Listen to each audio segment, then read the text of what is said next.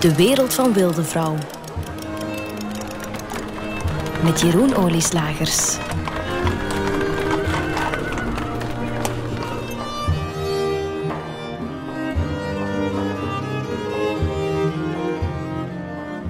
Schrijven en magie zijn elkaar verwant, althans toch in mijn wereld. Voor mij betekent magie niet een of andere goocheltruc die wordt opgevoerd. Voor mij en voor mensen die magie bestuderen in de Renaissance, betekent magie iets heel simpel.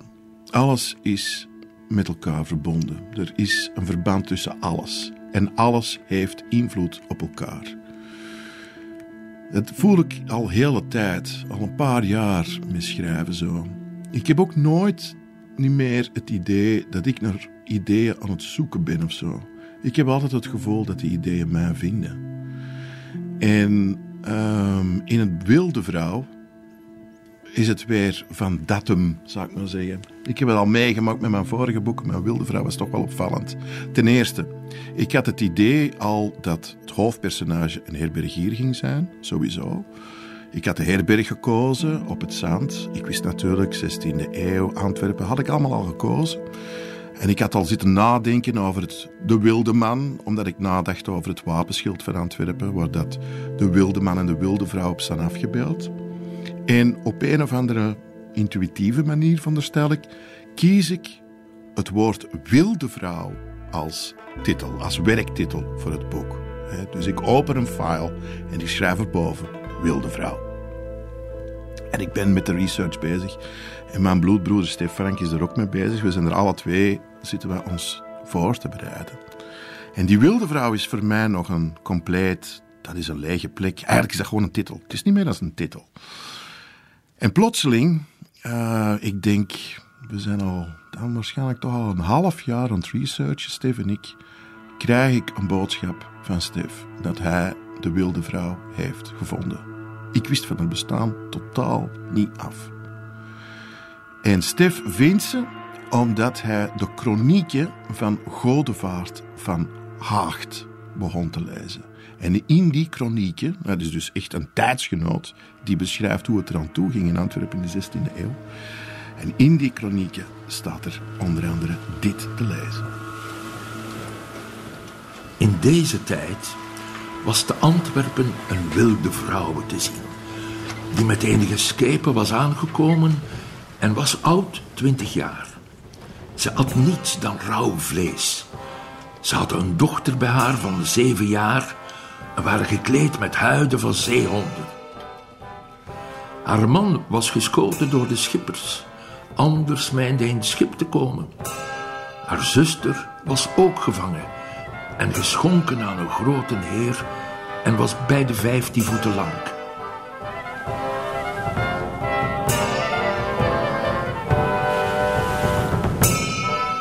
Ja, en het straffen daarvan is dat Stef verder begint te zoeken, uiteindelijk zelfs op een gravure uitkomt, die in het boek, in mijn, in mijn roman uiteindelijk is opgenomen, van de wilde vrouw in haar kind. Maar het straffe is dat een herbergier of een herberg in het algemeen ook iets te maken heeft met die wilde vrouw. En dat ga ik straks vertellen, hoe belangrijk dat die herberg is. Maar die wilde vrouw, die komt in mijn roman terecht door Abraham Ortelius. Ortelius is een cartograaf. Maar eigenlijk, als we naar hem kijken, als we naar zijn leven kijken, als we kijken naar hetgeen wat hij gedaan heeft in dat leven en vooral wat hij verzameld heeft, dan komen we een tegen die bijzonder nieuwsgierig is naar de wereld buiten de stad. Hij is niet enkel een cartograaf, hij is ook een groot verzamelaar. Hij heeft munten uit de Romeinse en de Griekse periode. Hij uh, verzamelt ongetwijfeld opgezette dieren en al dat soort toestanden. Dat is iets dat typeert Ortelius. Een man met een ongebreidelde nieuwsgierigheid. En waar beter dan in het 16e eeuwse Antwerpen uh, kan hij zijn? Want daar komt echt alles aan. Uit zoveel verschillende continenten komt daar aan in Antwerpen. Dagelijks in de haven. Dus voor Ortelius is deze natuurlijk een fantastische periode. Het, het, hij is de typerende figuur van die periode zelfs. En hij is het die de wilde vrouw introduceert in mijn boek. Hij is het ook die die wilde vrouw ja, in feite offreert aan Beer, de heer Bergier, in, uh, in mijn roman. En het hoofdpersonage in mijn roman. Maar hoe zit dit nu juist in elkaar? Want ik vertel in Wilde Vrouw een heleboel dingen die waar zijn. Absoluut, historische waarheden, die u kan checken als u wil. Maar ik vertel ook een heleboel dingen die niet noodzakelijk waar zijn, maar die gebaseerd zijn op een hoop dingen, op een hoop, laten we zeggen, premisses, die in die periode belangrijk waren. En een van die dingen is een expeditie, een Britse expeditie uit 1500, waar voor de eerste keer in een zekere man geheten Martin Frobisher.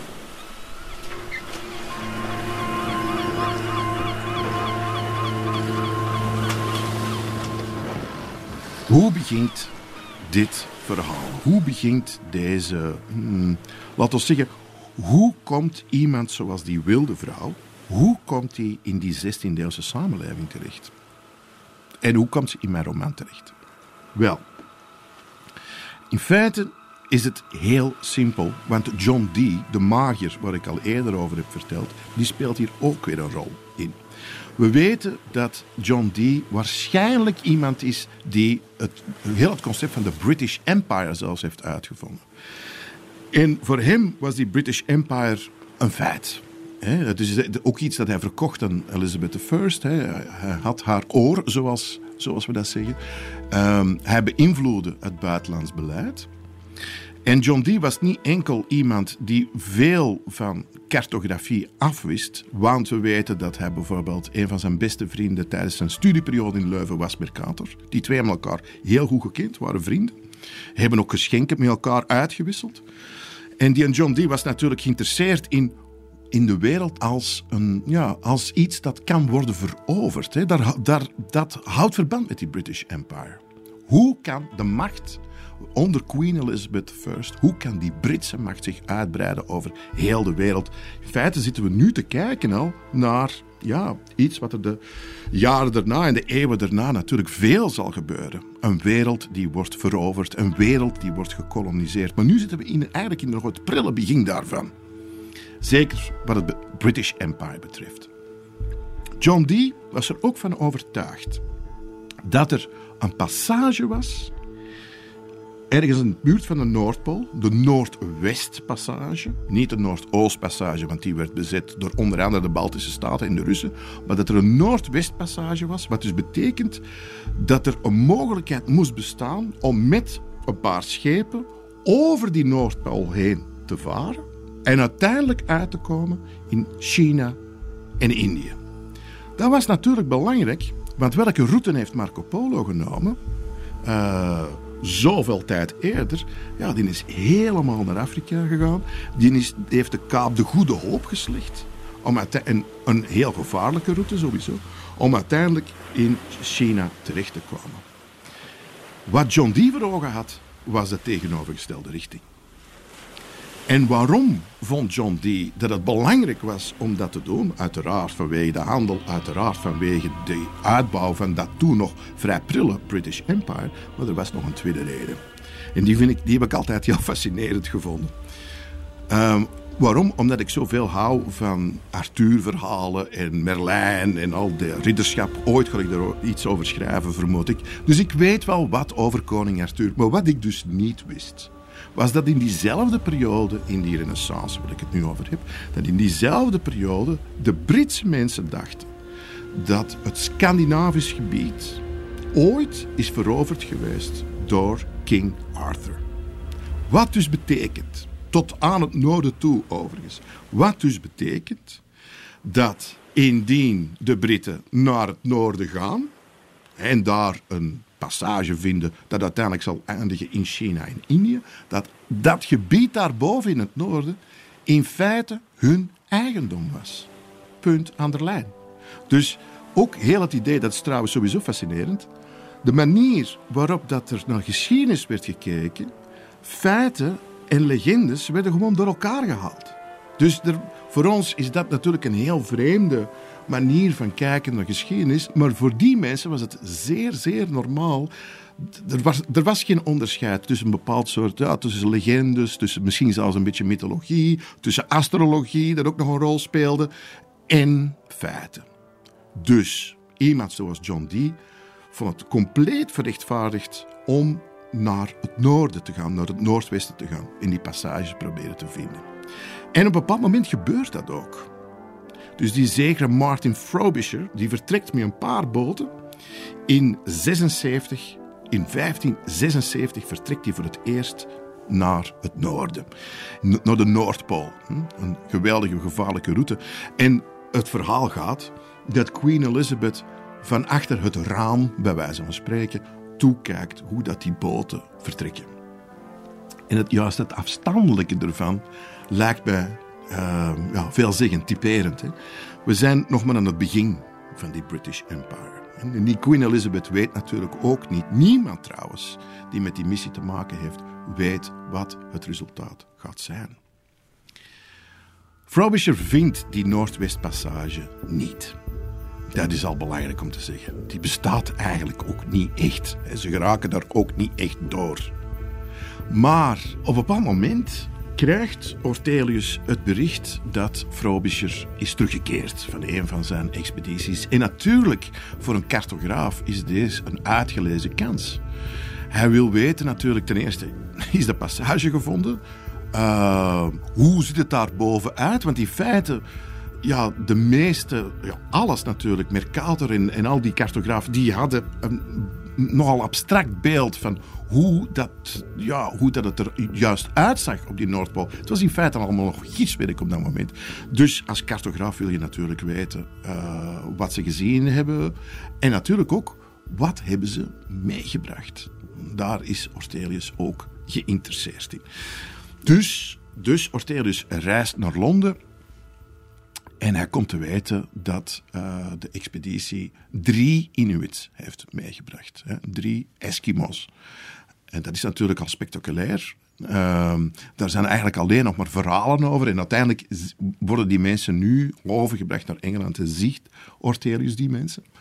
En hij verzucht daarbij dat, ja, dat de Antwerpenaren dat ook hadden kunnen doen. De Antwerpenaren hadden ook naar het noorden kunnen afvaren. En het is juist die verzuchting die ik gebruikt heb in Wilde Vrouw om daar een soort van werkelijkheid van te maken in mijn boek. Want vanuit Antwerpen is er nooit een expeditie, dat is de verzuchting van Ortelius, er is nooit een expeditie vertrokken naar, het, naar de Noordpool. Maar in mijn boek gebeurt dat wel. In mijn boek vertrekken er drie schepen naar boven en uiteindelijk brengen die een wilde vrouw en haar kind mee.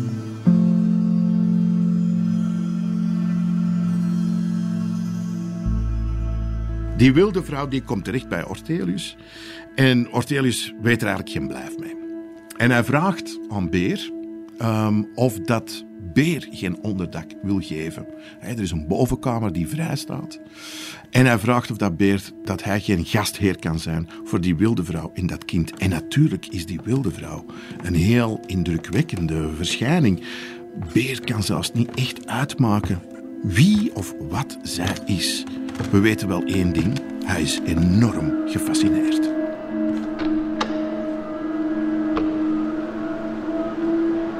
Ergens hoog in het dak jankte even een noordenwind.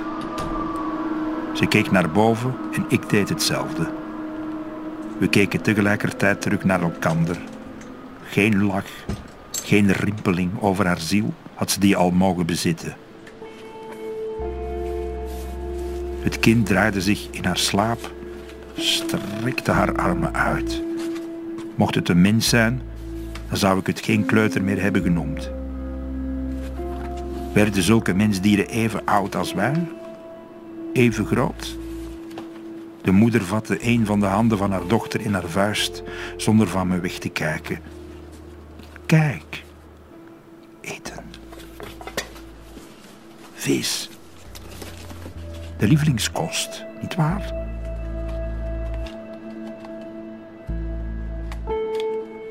Ja, het is, de verwarring is heel tastbaar natuurlijk bij iemand zoals Beer. En de verwarring zal, zal heel duidelijk ook geweest zijn uh, in zo'n 16e-eeuwse samenleving als ze in contact komen met ja, iets of iemand die zo vreemd is en tegelijkertijd toch menselijke trekken heeft, zou ik maar zeggen.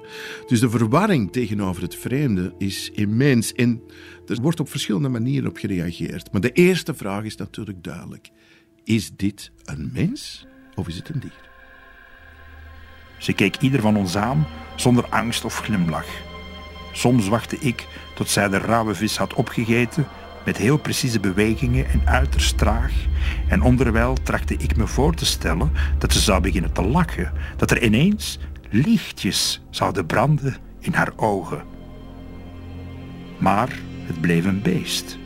En beesten lachen niet. Ze zong enkel bij volle, soms bij nieuwe maan, en waarom ze dat deed was een raadsel. Maar zoveel was nog steeds een raadsel in de dierenwereld die u, o God, had geschapen.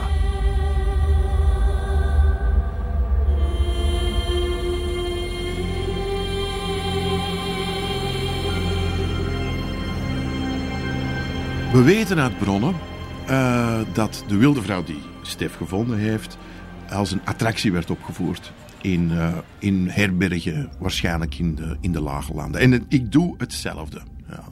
Ik uh, zorg ervoor dat de wilde vrouw ook een attractie wordt in die herberg van Beer. En uiteraard zijn mensen gefascineerd. We zijn bezig over ja, een vreemdsoortig wezen, gekleed in, uh, in vellen. Hm? In, in, in een soort van bond van, van zeehonden. Uh, samen met haar kind rauwe vis etend. Uiteraard geen enkele taal sprekend die, die we begrijpen. Of dat er zelfs klanken uitkomen die maar iets met dat Nederlands te maken hebben. Uh, dat moet echt fascinerend geweest zijn om zoiets te horen en te zien. En na een tijd ziet Beer laten zeggen, de commerciële mogelijkheden daar ook van in. En hij begint natuurlijk geld te vragen aan mensen die haar willen bezichtigen. Wat ook gebeurt. Dus mensen zijn in feite aan het aanschuiven in die herberg om de trap naar boven te nemen en om te kijken naar de wilde vrouw en haar kind. Wat konden we weten van deze beesten die onze wereld deelden en zo hard op ons leken?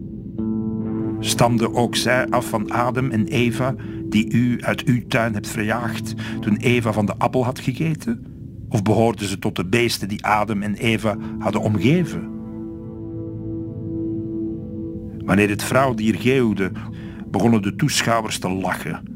Men probeerde, net zoals ik, met hen te praten, maar er kwam geen antwoord.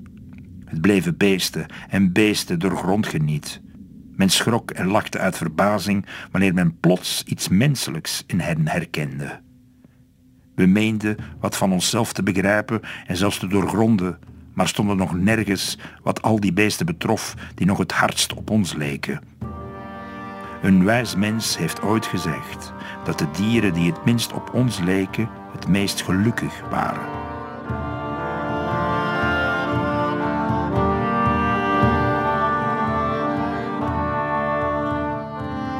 Er wordt niet alleen gekeken naar sensatie, naar die wilde vrouw en haar kind. Een vorm van wetenschap begint zich te ontwikkelen. Het kijken, het observeren uh, wordt hoog ingeschat in de Renaissance. We zijn nog niet bezig over het ontstaan van de klassieke wetenschap. Dat is pas een eeuw later. Maar op dat moment wordt er natuurlijk ook gekeken en gemeten en ingeschat.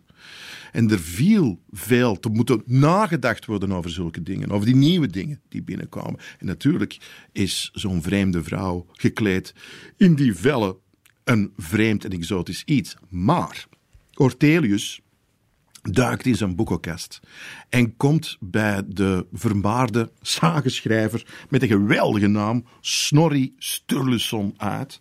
En wat komt hem daar te weten? Wel, hij komt te weten dat zulke mensen als die wilde vrouw en haar kind toen al door die Snorri Sturluson werd omschreven als skrellingen. Kleine mensen uit het noorden. En daar vindt Ortelius natuurlijk vrede mee. Van, kijk, het is al eens beschreven. Het bestaat echt. Het staat in een boek. De wereld van Wilde Vrouw.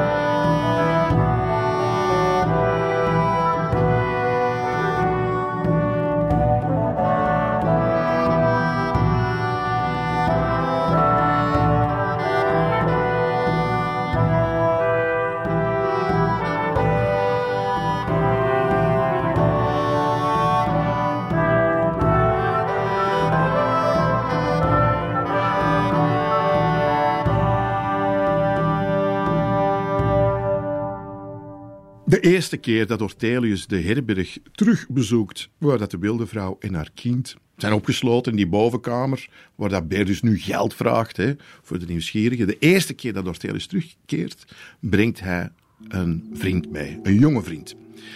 Geheten Joris Hoefnaal. En Joris Hoefnaal is een kunstenaar.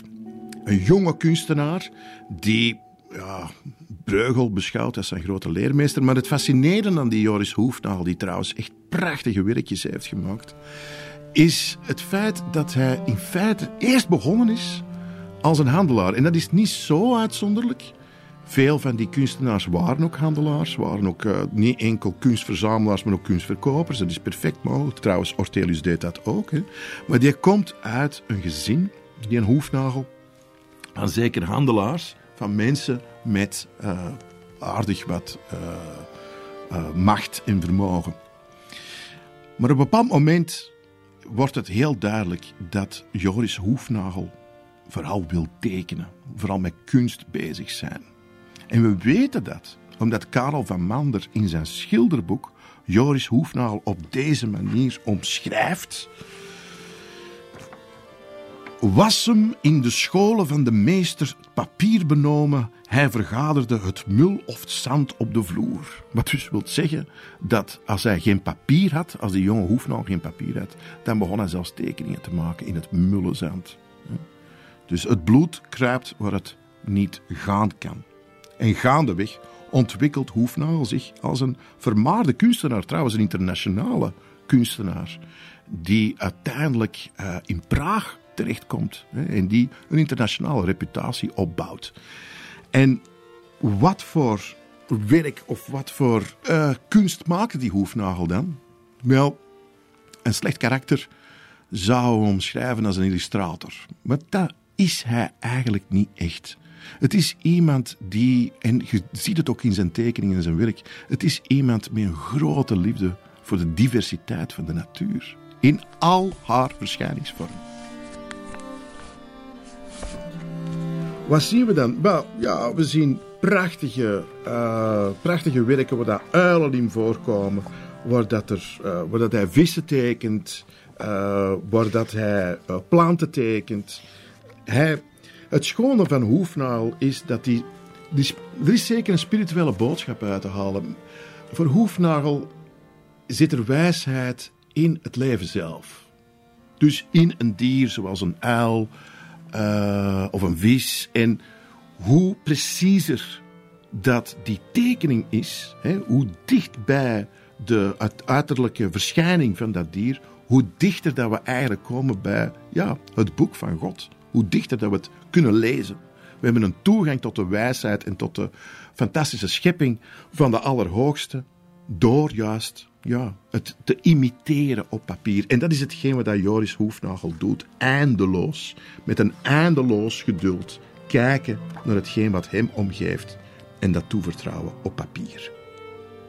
En uiteraard is hij de meest uitgelezen persoon om de wilde vrouw in mijn roman te vereeuwigen op papier.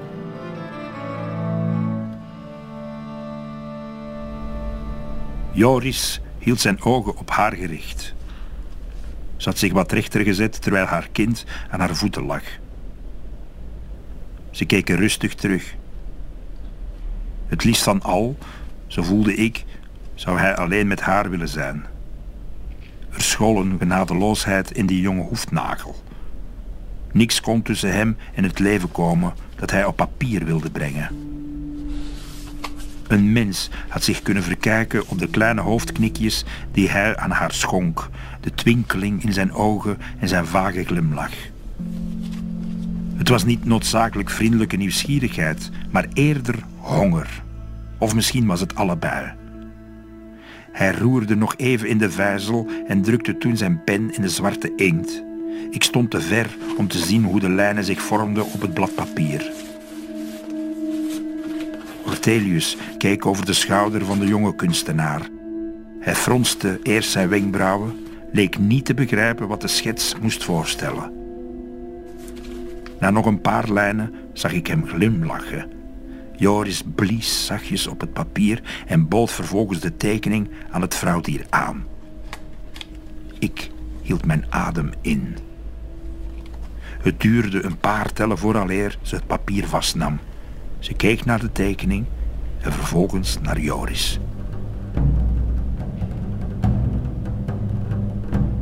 En als je wilt weten hoe dat die wilde vrouw eruit zag, wel, die staat wel degelijk in mijn boek. Helemaal op het laatste, de laatste bladzijde van mijn boek, zie je een afbeelding van die Antwerpse wilde vrouw. Het is wel geen tekening van Joris Hoefnagel, maar dat is de wilde vrouw die wel degelijk in Antwerpen is aangekomen en waar ik over schrijf in mijn roman.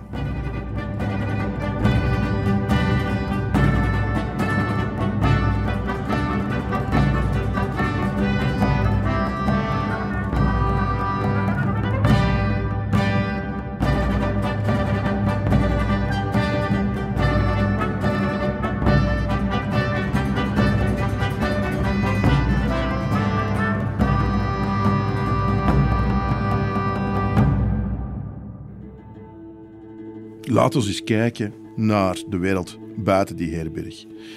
In 1562 bijvoorbeeld. De heer Granvel is al opgedoken in de vorige afleveringen. Antoine Pernod de Granvel. U herinnert zich misschien wel dat hij het centrale gezag vertegenwoordigde in de Lage Landen. Samen uh, natuurlijk met de landvoogdes Margaretha van Parma. En u weet ook dat Granvel iemand is die, ja, het is een fixer, het is een regelaar, het is iemand die nogal gehecht is aan de macht en het is waarschijnlijk ook iemand die uh, autoritair is. De inquisiteur in Smeerlap, Antoine Pernod de Granvelle, beter bekend als de Rode Draak. Hij bleek een lakai van het zuiverste Spaanse water.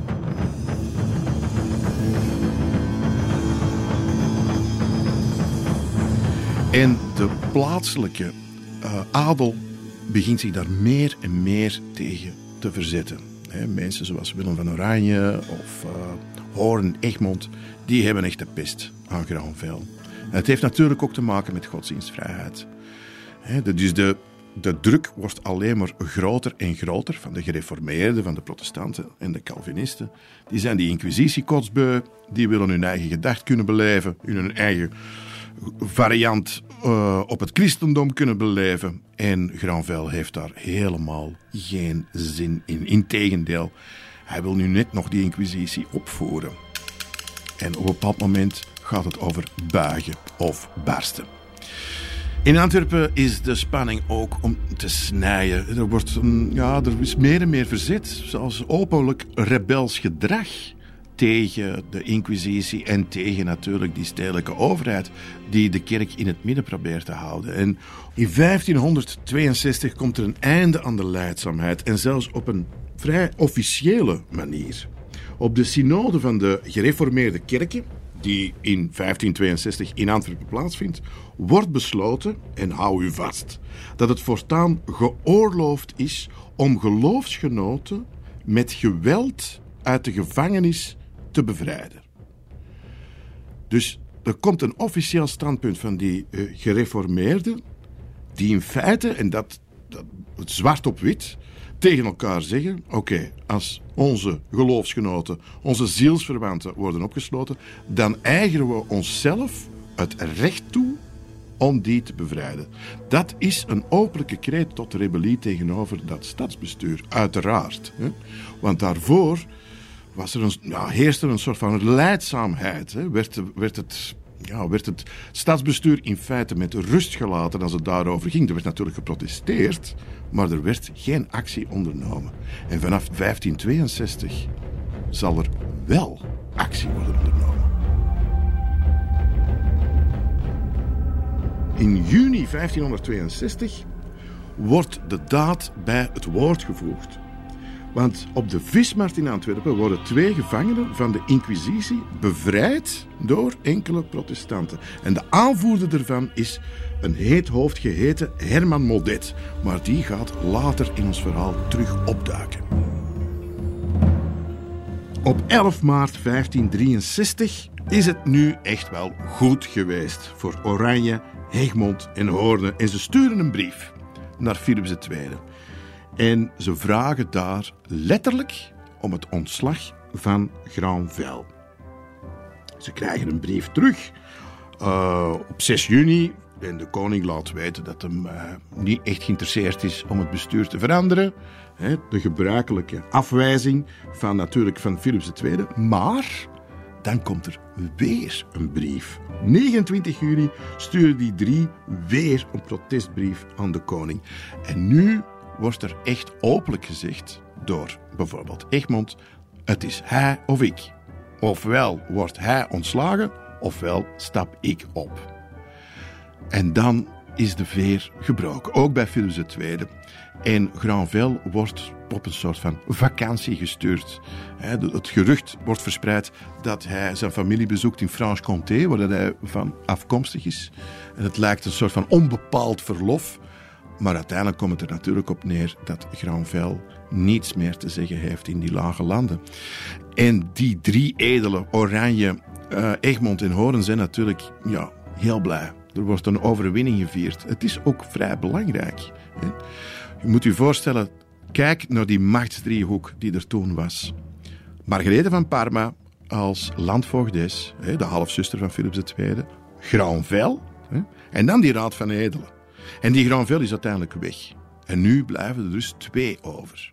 Margarethe van Parma, die trouwens door Beer als Margarethe van Parma, Hesp, af en toe wordt omschreven, en die edelen. Die smeerlap, die een tijd machtiger was dan iedereen bij elkaar, was eindelijk vertrokken. Zo gezegd om zijn zieke moeder bij te staan, maar iedereen wist dat de prins van Oranje en zijn hoogdravende edelen zo lang hadden gezaagd dat ze hem het land hadden uitgekregen. Ze bleven die overwinning maar vieren. Het was dan ook de enige keer dat ze de Spaanse koning en zijn halszus, de regentes, van iets hadden kunnen overtuigen. De prent met die kardinale fluit, half verzwolgen door een hoer met een kroon op haar gat, viel bij velen in de smaak.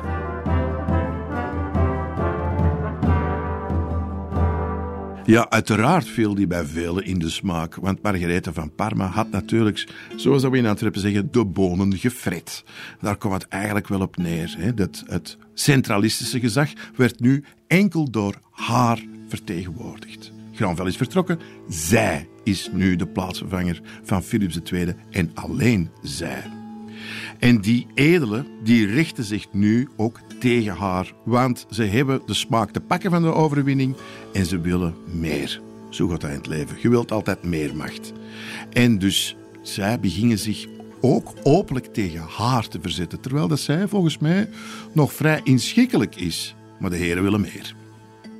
En nu wordt het natuurlijk wel interessant. Hè? Want ik heb altijd ik heb het misschien al eerder gezegd, ik heb, ik heb een soort van voorliefde voor die Margaretha van Parma. Ik vind dat zo'n fascinerende vrouw. Hoe houdt die zich staande tegenover al die bevrijdende kracht van die edelen en die godsdienstroebelen die maar toenemen en toenemen. En uiteindelijk moet zij natuurlijk ook rapporteren aan haar broer. Ze moet het centralistische gezag daar blijven vertegenwoordigen. Hoe pakt zij dat in godsnaam aan? Wel met een heleboel diplomatie Ze probeert ja, door, over die woelige zee met veel praten, veronderstel ik, verschrikkelijk veel vergaderen en brieven schrijven aan naar elkaar, probeert zij die edelen die steeds meer autonomie willen, ja, enigszins in te willigen, hè, door wat meer vrijheid toe te laten. Maar wat is vrijheid? Vrijheid is altijd tussen aanhalingstekens in die tijd. Hè. En langs de andere kant natuurlijk, ja, berichten sturen naar haar broer dat het, dat het lukt, hè, dat, dat de lage landen rustig blijven. Maar lang blijven ze niet rustig. Integendeel, het wordt eigenlijk, het gaat van kwaad naar erger. Ja, en die positie van Margaretha van Parma blijft fascinerend. Hè. Langs de ene kant is ze diplomate genoeg hè, om te proberen om om te gaan met die eden, maar langs de andere kant moet die inquisitie nog altijd worden afgedwongen. Ook in een stad zoals Antwerpen. En dan krijgen we het verhaal te horen van een zekere Christoffel Fabricius. Ook in deze stad bestonden mensen, niet veel, want zoveel onnozelaars hadden we nu ook weer niet, die zich gedwongen voelden door u om iedereen toe te bijten dat enkel zij het ware licht hadden gezien.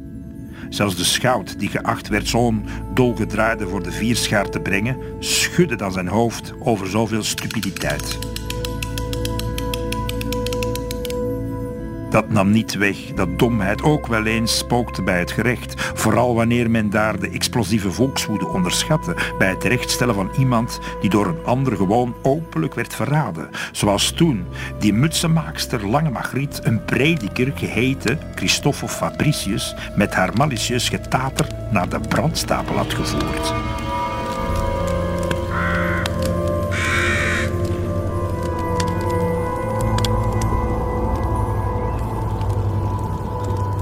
Fabricius was een hervormde predikant die op 1 juli 1564 werd gearresteerd.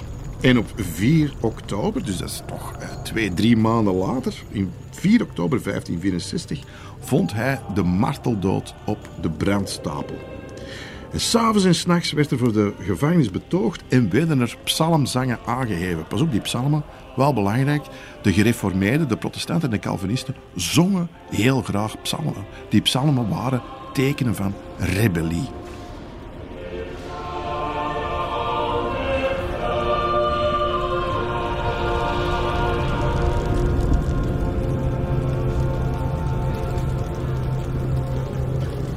De dood van Fabricius was toch een belangrijk moment in de geschiedenis van de stad. En zeker in de geschiedenis van die periode. Het was een soort van kantelpunt. Waar dat je, ja, mensen hadden er echt genoeg van dat mensen op een brandstapel werden gezet vanwege hun gedachten. Van, vanwege hun gedachten goed of vanwege hun religieuze voorkeur. En nog een ander ding dat in die stad heel gevoelig lag. Namelijk klikspanen, verraders. Het was overduidelijk dat Fabricius door een luid taterend wijf, zo werd het toch omschreven, door een luid taterend wijf uh, naar die brandstapel werd gebracht. Het is door het verraad van die ene potsenmaakster, was het geloof ik, dat die Fabricius uh, terechtgesteld wordt. En dat was iets wat die Antwerpenaren echt niet konden verdragen. Dat openlijk verraad, dat openlijk getater, die klikspanen, daar had die Antwerpenaar echt iets tegen arrogante klikspanen die mensen niet steels maar gewoon openlijk verraden, brachten het volk tot razernij. Zodanig zelfs dat in dit geval de beul en de gerechtsdienaars er niet toe kwamen om het vuur aan te steken en die arme Fabricius nog vlug de schedel insloegen en een dolk in zijn hart staken vooraleer zich eindlings uit de voeten te maken, terwijl negen straten verder de verraadster aan de Sint-Jorispoort moest gaan schuilen in een winkel, omdat ze dreigde te bezwijken onder een regen van stenen. Maar laten we zeggen dat het verraad algemeen was. Het gaat niet enkel over de klikspanen. Margaretha van Parme had overal handlangers en spionnen die haar op de hoogte hielden van wat er in de stad gebeurde. Dat was ook nodig. Van Parma moest weten wat er in zo'n stad gebeurde. Ze moest weten wat de temperatuur ongeveer was, omdat ze anders natuurlijk niet kon handelen. Hm? Ze had ogen en oren nodig in elke belangrijke stad in de Lage Landen. Bovendien wist zij natuurlijk hoeveel bijvoorbeeld een stad zoals Antwerpen opbracht voor haar broer. En ze trachtte dus de ene razende verordening na de zoveelste van haar broer, waarmee Philips II dit wingewest wilde binden aan zijn godswil, genoeg af te kolen, zodat deze stad de beste der werelden bleef. Leven van opbrengsten van de taxen die deze stad opbracht en tegelijk woede koesteren over allerhande godslasteringen of zelfs majesteitsschennis, want dat gebeurde ook, was geen simpele positie. En deze vorst met schulden vermocht in feite weinig tegen de kitterse gedachten van de mensen voorbij hij schulden had. Zeker niet wanneer dat die zogenaamde ketterij zo wijd verbreid was dat de papen eerder de ketters leken. Want dat is het fascinerende natuurlijk van dat Antwerpen. Misschien was het zelfs al bijna 50-50. Langs de ene kant hadden de papen en langs de andere kant hadden die gereformeerden, die Calvinisten, die protestanten, wederdopers en zo verder enzovoort.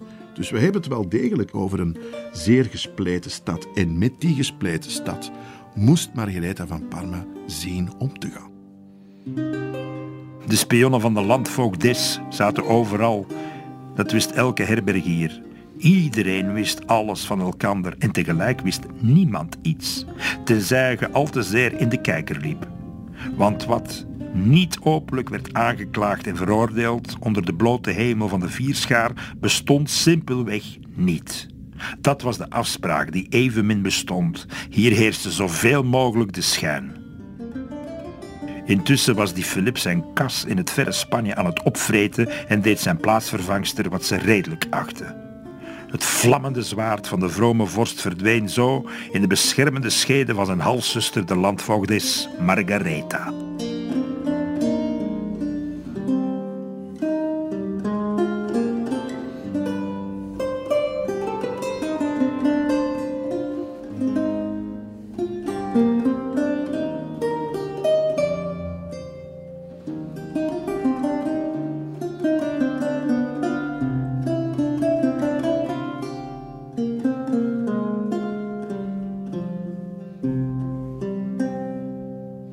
De wereld van Wilde Vrouw.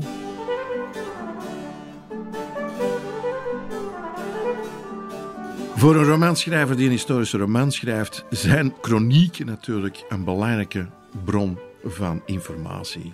Maar het hangt er ook een beetje van af wie dat die chronieken schrijft. Ik heb al gesproken over de chronieken van Godevaart van Haagt, waarin dat die wilde vrouw opduikt die Stef heeft gevonden. Maar Godevaart van Haagt schrijft als een ooggetuige. Dat, wat dus wil zeggen, hij maakt heel die periode mee. Dat is één. Ten tweede, de vermoedens gaan dat Godevaart van Haagt een Lutheraan was. Dus dat hij met, toch met een bepaalde blik naar al die gebeurtenissen uh, kijkt. Er zijn nog andere chronieken. We hebben bijvoorbeeld het Antwerps Chroniekje. En dat Antwerps Chroniekje is gepubliceerd in de 17e eeuw en dat is nog iets anders. Want dat is dus uh, waarschijnlijk, we weten niet zeker, is het geschreven door een zekere Franciscus Godefridus Ulens. Maar het is de 17e eeuw, dat is één. Dus de mens kijkt terug, hè, heeft waarschijnlijk ook bronnen geraadpleegd, is geen ooggetuige. En ten tweede, hij is zeker geen Lutheraan. Hij is een kanunik. Hij is iemand die aan de paapse kant staat van de geschiedenis. En wat schrijft die uh, Franciscus Godefridus Ulens over de winter van 1564-1565. Ik ga het u even voorlezen. De winter van 1564-1565 was zo fel en koud als ooit mens hadden gevoeld. Het vroos tien weken lang, zodat men Antwerpen van de tweede kerstdag tot op Drijkoningendag van het jaar 1565 over de Schelde te voet en te paard reisde. We hebben het dus over een winter die zo uitzonderlijk streng was dat de Schelde dichtvroor. En in mijn boek klinkt het ongeveer zo. De slijksporen in de straten kregen harde randen die al gauw verscholen bleven onder de sneeuw die onophoudelijk viel. Eerst hing er een wit waas boven het water van de Schelde en was de overkant al niet meer zichtbaar. Schepen gleden traag voorbij en het water was gelijk melk die boter werd. Daarna hoorden we aan de kade het kraken van het ijs. Sommige schepen hadden zich vastgevaren in het midden van een stroom die niet meer stroomde. De klokken van het klooster links achter mijn herberg klonken tof en mensen werden stiller in de straten. Bij het begin van deze winter kwam de gedachte bij me spoken dat we de kou zelf hadden veroorzaakt. Dat de kou kwam en bleef om ons iets te leren. Wie weet, om ons van de dikke bondmantel van de hoogmoed te ontdoen.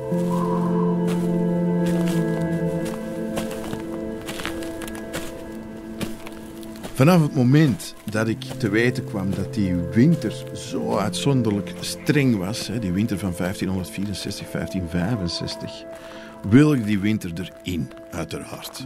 Maar dat deed mij denken aan ja, iets waar we nu allemaal wakker van liggen: klimaatverandering. En die winter van 1564 was een uitloper, of misschien zelfs een hoogtepunt van wat we nu de kleine ijstijd noemen. Die kleine ijstijd was in feite al een paar eeuwen bezig. Het, het klimaat was wel degelijk veel kouder aan het worden. De, de zomers waren heel nat en de winters waren bijzonder streng. Dus ik dacht, als ik daarover schrijf, dan schrijf ik misschien ook wel een stuk over onze tijd. Wat het betekent als een klimaat ongenadig toeslaagt. En ik heb geluk eh, gehad, want onze Joris Hoefnagel, waar ik al eerder over sprak, die heeft een prachtige tekening gemaakt van een kermis. Dat woord moeten we gebruiken, denk ik. Een kermis op die bevroren schelden. En die print die hebben we voordien, was die altijd, ja, we hadden afbeeldingen, maar ik kon de details niet echt zien. En op een bepaald moment heeft het uh, Museum Plantijn Moretus die print digitaal beschikbaar gemaakt. En dat was natuurlijk een doorbraak, want daardoor konden we die print downloaden en vervolgens op A3 afprinten. En kon ik in detail zien wat Joris Hoefnagel daar juist uh, tekende. Dat was voor mij een absolute doorbraak, dankzij het Plantijn Moretus Museum. En hoe zag die kermis er dan uit? Hè? Want die mensen, in het begin was het natuurlijk dolle pret. Het was gewoon ijspret. Daar moeten we van uitgaan. Die schelde was helemaal dichtgevroren. En er werden van alle kramen opgezet, stallen opgezet. En het begint altijd, hè, zo'n uh, klimaatverandering zou ik maar zeggen, begint altijd met de pret. Je ziet altijd eerst de voordelen. De bevolking was echt uitgelaten dat ze op dat ijs konden staan. En er werd van alles verkocht. Op de bevroren breedte tussen de rivierovers waren tenten gezet en stalletjes getimmerd. Er werden vaten aangesleurd. Het ijs was nu zo dik geworden dat er vuren werden aangestoken aan de zijkanten van de smalle strook van stallen waar mensen snuisterden in alles wat hun werd aangeboden. Waar ze warme wijn konden drinken en zich vervolgens ijzers lieten aansmeren om onder hun schoenen te binden. Er werden wuivende rietstengels uitgedeeld waarmee mensen paradeerden. Het was een mogelijk redmiddel om elkander op te vissen uit een wak of waar het ijs minder dik was, maar het werd gebruikt als een elegant attribuut door zowel vrouwen als mannen. De meeste tenten die een banket aanboden hadden geen zitplaatsen meer. Iedereen at schaap van de verschillende spitten die permanent werden omgedraaid en overgoten. De geur van tijm waaide me tegemoet. Twee van de allerbeste worsten met een stuk brood voor een halve stuiver. Een kruik Spaanse voor zeven stuivers.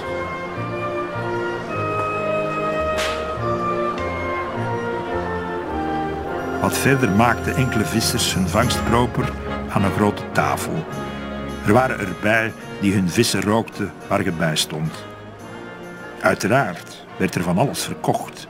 Kleren, handwerk, potten en pannen, zelfs goud en zilver.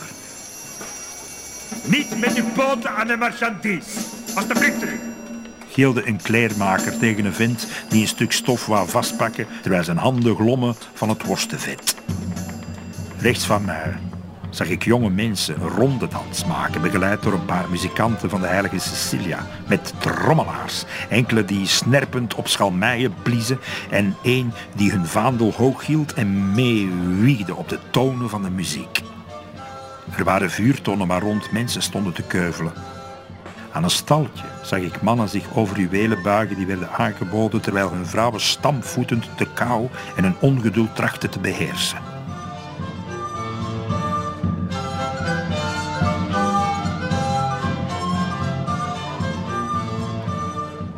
Ja, dat, uh, die bevroren Schelde moet een fantastisch feest geweest zijn. Waar dat er natuurlijk ook werd geschaatst. Hè. Die geweldige winterpret die we zelf kennen.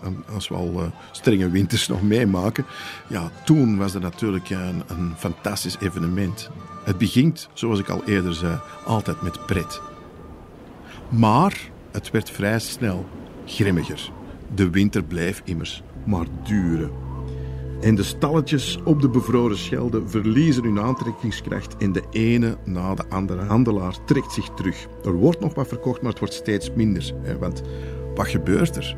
Door het feit dat die Schelde bevroren is, komt er steeds minder ook naar die stad om verkocht te worden op die Schelde in al die stalletjes. Buiten heerste er alleen maar stilte. Op de grote markt oogde het stadhuis bijna af. Maar geen arbeider die daar nog aan werkte bij deze temperaturen. Ieder trachtte zich thuis of in de herbergen te verwarmen, maar tegen de avond liet ieder de stad aan haar lot over, alsof enkel de dood ons daar nog wachtte in donkere portalen en op uitgestorven pleinen, waar elke ochtend wel een bevroren lijk gevonden werd van iemand die op straat had proberen te overleven. De werkplaatsen over heel de stad waren elke dag nog bedrijvig. Er werd nog gehamerd en de weefgetouwen stampten, zolang de voorraad van garen en tin strekte. Maar er heerste een leegte die onzekerheid met zich meebracht. Hoe lang kon een stad haar adem inhouden? Het was gelijk u, o God, een glazen drinkbeker over ons had gezet, zodat zelfs die waterige winterzon ons niet meer bereikte.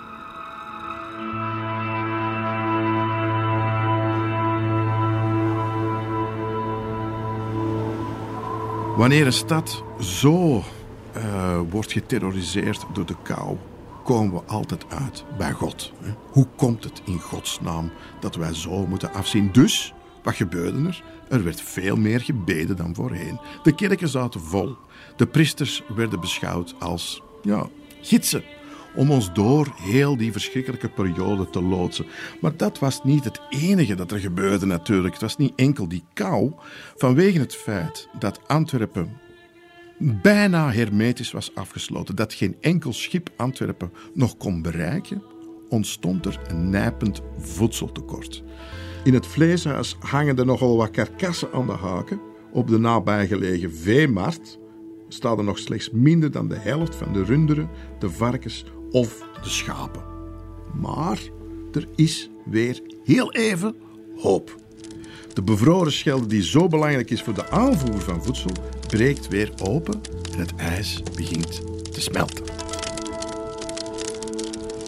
Drie dagen later stond iedereen aan de kade in stilte. Sommigen in tranen, sommigen vol ontzag.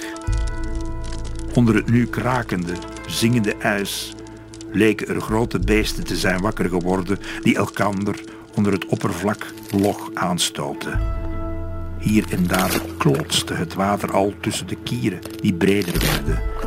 Wat uit het bewegende ijs kwam was gelijk het geluid van schoten of zelfs een donderslag.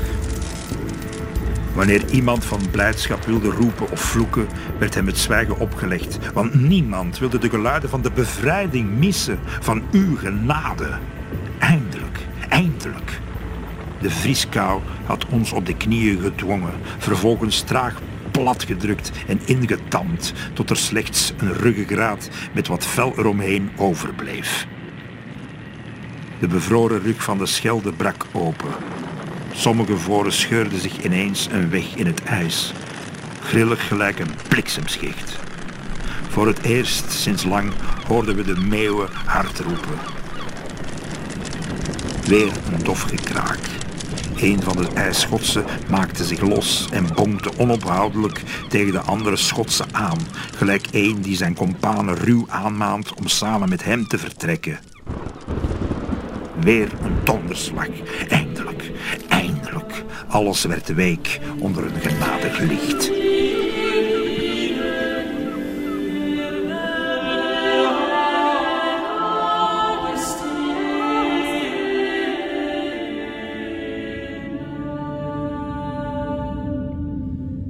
Eindelijk. Verlossing. Maar een dikke week later vriest alles weer dicht. Het wordt dus nog erger. Na die opflakkering van de hoop is de realiteit daar weer. De Schelde is weer helemaal dichtgevroren. En dan gaat die economische activiteit begint helemaal uit te sterven. De weefgetouwen vallen stil omdat er geen schapenwol meer kan worden aangevoerd. Dat is een ramp, hè, want op dat moment is de textielsector de grootste werkgever in de stad. Dus er, was een massale aanvoer van onafgewerkte Engelse wollen stoffen.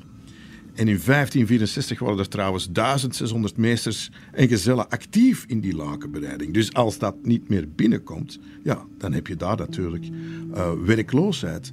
Als we het dan hebben bijvoorbeeld over de tapijtweverij. Een van de pronkgebouwen van de stad was het indrukwekkende tapissierspand dat stond op de plek waar daar nu de Bourla-schouwburg staat. Het was een gigantische permanente verkoop- en tentoonstellingsruimte voor wandtapijten, 37 meter breed, 80 meter lang. Dat is een enorm gebouw.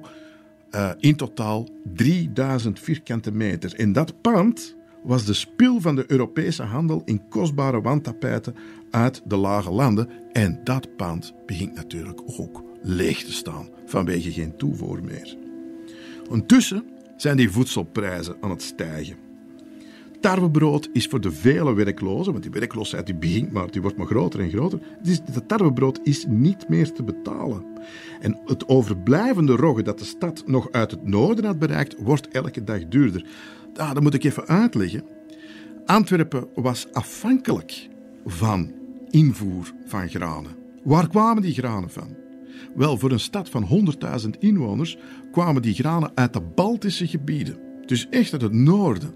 Antwerpen kon niet overleven zonder die invoer van granen. En als die Schelde bevroren is, kon dat graan natuurlijk de stad ook niet bereiken. Dus die voedselprijzen die blijven maar stijgen en stijgen. In de loop van de 16e eeuw wordt graan zeven keer duurder.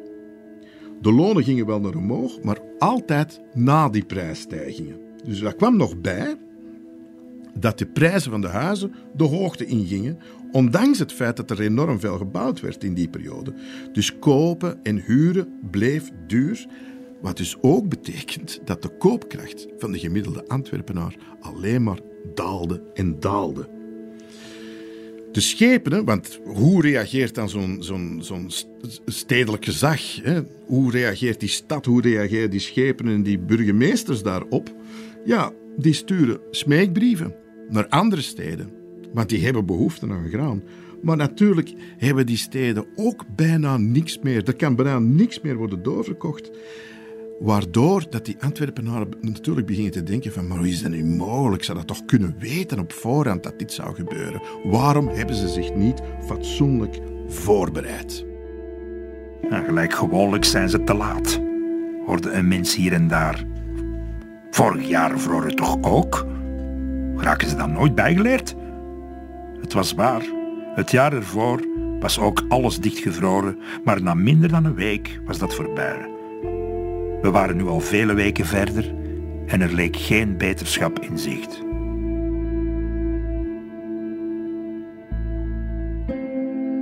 Wat er nog bij komt, uiteraard, is dat er ook geen turf meer is, of steeds minder en minder. U moet weten dat mensen zich in die tijd verwarmden bij het stoken van turf. Dat was de belangrijkste warmtebron voor die mensen uit de 16e eeuw. En die turf wordt natuurlijk ook niet meer aangevoerd. Wat gebeurt er? Er wordt meer en meer gestookt met hout. Maar hout was, ja, zeldzamer dan turf. U moet je dus voorstellen dat mensen buiten de stad gingen op zoek naar hout. Dus waarschijnlijk in een omtrek van weet ik hoeveel, waren er geen, stonden er gewoon geen bomen meer. Het ging zelfs zo ver dat zelfs de galgen werden omgehakt vanwege het hout om op te stoken. Waarom? Omdat het al gedroogd hout was. Ehm, het was niet zo eenvoudig om hout te vinden. Bij voorkeur werd er gezocht naar takkenbossen. Er waren wel uh, bossen rond Antwerpen, maar die waren in het bezit van edellieden. En je mocht natuurlijk niet zomaar een bos intrekken en daar een boom om hakken. Dus er werd echt gezocht naar takkenbossen. Een mutsaard, zo'n honderd takkenbossen, kostte al meer dan drie gulden. En daar werkte men normaal gezien met twee man een hele week voor. Dus men ging altijd maar verder en verder van de stadsomwalling op zoek naar die takkenbossen. Er is een vliegmare, vind ik een fantastisch woord. Vliegmare is een soort van gerucht. Hè. De vliegmare ging dat er een vrouw een dag of twee geleden, zo is in de kronieken van Godevaart van Haag te lezen, een dag of twee geleden een vent twee vingers had afgebeten om een turfblok te kunnen bemachtigen. Dus het werd alleen maar erger. De criminaliteit steeg uiteraard ook. Door de wanhoop werd er roekeloos gestolen. Duistere straten worden door het welstellend volk vermeden uit schrik door een groep van armoezaaiers te worden bedreigd. Men verlaat steeds minder alleen de herbergen, maar met twee of drie die ieder hun hand op het heft van een dolk houden. Dat is één natuurlijk. Je krijgt die criminaliteit die ontstijgen is. Wat is de reactie daarop? De argwaan tegen minderheidsgroepen neemt toe. En dan komen we uit in een stad zoals Antwerpen bij de zogenaamde Egyptenaren. Wat waren die Egyptenaren eigenlijk? Wel, wij zouden ze nu omschrijven als zigeuners. Maar zij zelf beweerden dat ze uh, afkomstig waren uit Klein-Egypte. Klein-Egypte was niet het Egypte dat we kennen. Nee, Klein-Egypte waren streken in Griekenland en Turkije waar die mensen van kwamen. En er ontstond natuurlijk een verwarring. Want Egypte zelf was met zonde overladen. Als we de Bijbel lezen, de Egyptenaren waren degene die de Joden de duivel hebben aangedaan. Dus de Egyptenaren waren een gedoemd volk in de ogen van die 16e eeuwers. En die zagen die doem natuurlijk weerspiegeld in hun donkere huidskleur. Ze hoorden er simpelweg niet bij. Maar die Egyptenaren waren niet de enigen die geviseerd werden. Er waren ook de zogenaamde Maranen. En dat waren onder dwang gedoopte Joden, veelal afkomstig uit Spanje en Portugal, die van daaruit op de vlucht waren geslagen voor de Inquisitie onder Karel V, dus de vader van Philips II. En velen vestigden zich in Antwerpen tot grote ergernis van Karel V. Regelmatig werden plakaten uitgevaardigd die de Maranen ordoneerden om de Nederlanden te verlaten. En tussen maart 1526 en mei 1550 waren er maar liefst elf plakaten tegen die zogenaamde Maranen. Maar de stad Antwerpen was niet echt geïnteresseerd om die Maranen uit de stad te zetten. Want ze brachten ook geld binnen. En zoals u weet, uh, in Antwerpen in die periode draaide alles om handel. Dus die plakaten bleven plakaten. Maar de Joden zelf waren niet zo zichtbaar in de stad. Ze beleden hun godsdienst in het geheim of trachten dat in de mate van het mogelijk te doen. En een goede manier natuurlijk om de aandacht af te leiden van hun Jood zijn, dachten ze, was om in het openbaar het onreine, voor hen onreine varkensvlees te eten. Waardoor dat die Antwerpenaren de, uh, die uh, Maranen begonnen te omschrijven als zogenaamde spekjoden. Want graag gezien waren ze niet. De pogingen om die Joden uit de stad te laten verbannen strandden echter op de stadhouder van Antwerpen, die uit menselijke overwegingen de nieuwkomers in het geheim in de stad liet wonen en werken. Ongemerkt waren de Joden immers van groot belang geworden voor de financiële ontwikkeling van Antwerpen als havenstad in opkomst. Maar het was natuurlijk geen gemakkelijke opgave om die rol te verenigen met onzichtbaarheid. Maar voorlopig worden ze dus gedoogd. Ook al groeit de angst voor de toren van die streng katholieke vorst en de beproevingen van de noodlottige winter, dat het antisemitisme alleen maar doet toenemen. En het is precies zoals een van de klanten uit de herberg van Beer het formuleert. Die spekjoden hebben zich zogezegd bekeerd. Hebben zich voor onze ogen te goed gedaan aan varkensvlees om zogezegd duidelijk te maken dat ze gelijk ons waren. Dat zouden we dus ook weten. Maar zijn we niet omgeven door leugens en schouwtonelen? Wie haalt voordeel uit deze smeerlapperij? Straks staan de Spanjaarden hier. En wat dan? Of pijnst gij dat koning Philip dit allemaal over zich heen zal laten gaan? We hadden die Joden moeten buiten houden. Maar dat wilde niemand van het stadhuis. Begrijp je dat? Ha, nee. Want intussen hebben ze hier zoveel geld verdiend dat de hoge heren altijd schrik hebben gehad dat die onbetrouwbare spekjoden met al hun fortuinen zouden overlopen naar de Turken. En dus bleef dat spelletje maar doorgaan. Wat de reputatie van de Joden ook niet zo te goede kwam, was het feit dat ze in het verleden vaak in verband werden gebracht met uitbraken van de pest. En weer wordt er naar een zondebok gezocht. Toen de pest in de 14e eeuw woedde, werden de Joden vaak met de vinger gewezen. Zij zouden de schuld van alles zijn. Zij zouden de waterbronnen hebben vergiftigd. En hoe verdacht was het wel niet, volgens die niet-Joodse Antwerpenaren, dat er bij hen veel minder slachtoffers vielen. En dat was ook zo. Er vielen veel minder slachtoffers bij de Joodse gemeenschap. Maar dat had te maken met de Joodse wetten. En die Joodse wetten, ja, er was onder andere de verplichting om de handen te wassen voor het eten en na het toiletbezoek. En dat had natuurlijk een belangrijke impact op het verspreiden van die pest of het tegenhouden van die pest.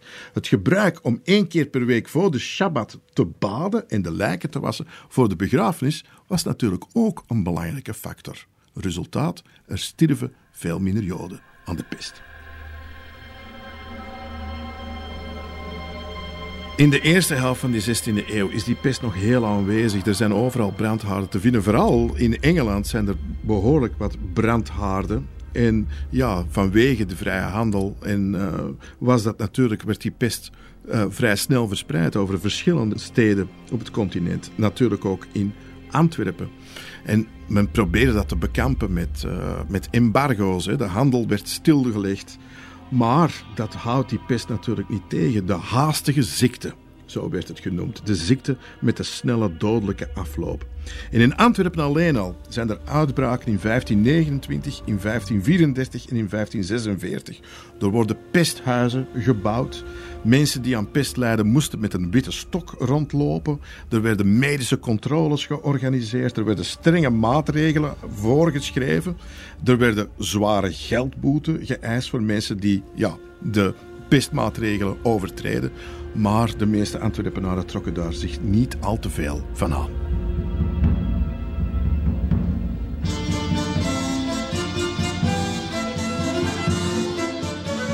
Eindelijk, na die lange, lange winter, die vreselijke winter van 1564, 1565, breekt de lente aan. Trouwens, even tussendoor. Um, nieuwjaar werd op een ander moment gevierd, namelijk rond Pasen in die periode. Het is pas in 1582, geloof ik, dat nieuwjaar op dat begin van het jaar begint met nieuwjaar zoals wij het kennen. Dus de lente was het begin van het nieuwe jaar. Van het uh, vol met vruchtbaarheid en de natuur die ontwaakt en zo verder enzovoort. In die periode waren er een hoop uh, rituelen, of laten we zeggen publiek straattheater, dat werd opgevoerd om die lente aan te kondigen. En één van die rituelen is heel belangrijk voor mijn boek. Dat is het ritueel van de wilde man. Mijn hoofdpersonage Beer beschouwt zichzelf als een wilde man. Wat deed zo'n wilde man? Wel, Breugel heeft dat twee keer afgebeeld. Eén op een tekening apart, waar dat we uh, in detail zien hoe het ritueel zich voltrok in die stad. En één keer op een groot schilderij waar een heleboel van carnaval en lenterituelen door Breugel wordt afgebeeld. Dat is namelijk de strijd tussen vaste en vastenavond. Maar terug naar die wilde man. Wat deed hij? Wel, het was een, waarschijnlijk een mimespel. Is te zeggen, met heel veel lawaai door één personage, de wilde man zelf. Gekleed in waarschijnlijk berenvellen.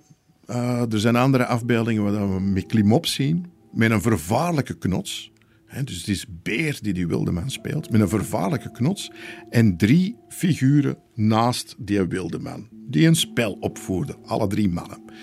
Eén was de koning die de wereld aanbood aan de wildeman om hem uit de stad te lokken. Dus hebben de wildeman het gevaar van de natuur en de vruchtbaarheid poogden ze ritueel af te leiden met hem de wereld aan te bieden, of geld of macht enzovoort enzovoort.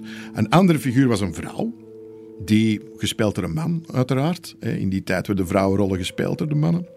Die hem een ring aanbood, wat dus wil zeggen huwelijk, seksualiteit. Probeerde hem te verleiden, probeerde die wilde man op die manier uit de stad te krijgen. En de derde figuur die daar rond die wilde man stond, was iemand met een kruisboog. Dat was de jager van de wilde man. Want uiteindelijk was het de bedoeling dat de wilde man ofwel werd gedood, ofwel uit de stad werd gejaagd. En op die print van Breugel zien we kinderen die aan een herberg staan, terwijl dus dat spel van die wilde man wordt opgevoerd met heel veel lawaai en gedruis en, en, en, en roepen van die wilde man. Dat kinderen uh, geld ja, bedelen in feite aan die mensen die in die herberg zaten. Dus er werd geld gegeven, zodanig dat de wilde man uit de stad werd gejaagd. Dat was heel het ritueel. Het ritueel was, de wilde man komt de stad teisteren, de natuur komt binnen met alle kracht en vervolgens terug uit die stad gejaagd, zodat eindelijk de lente kon beginnen.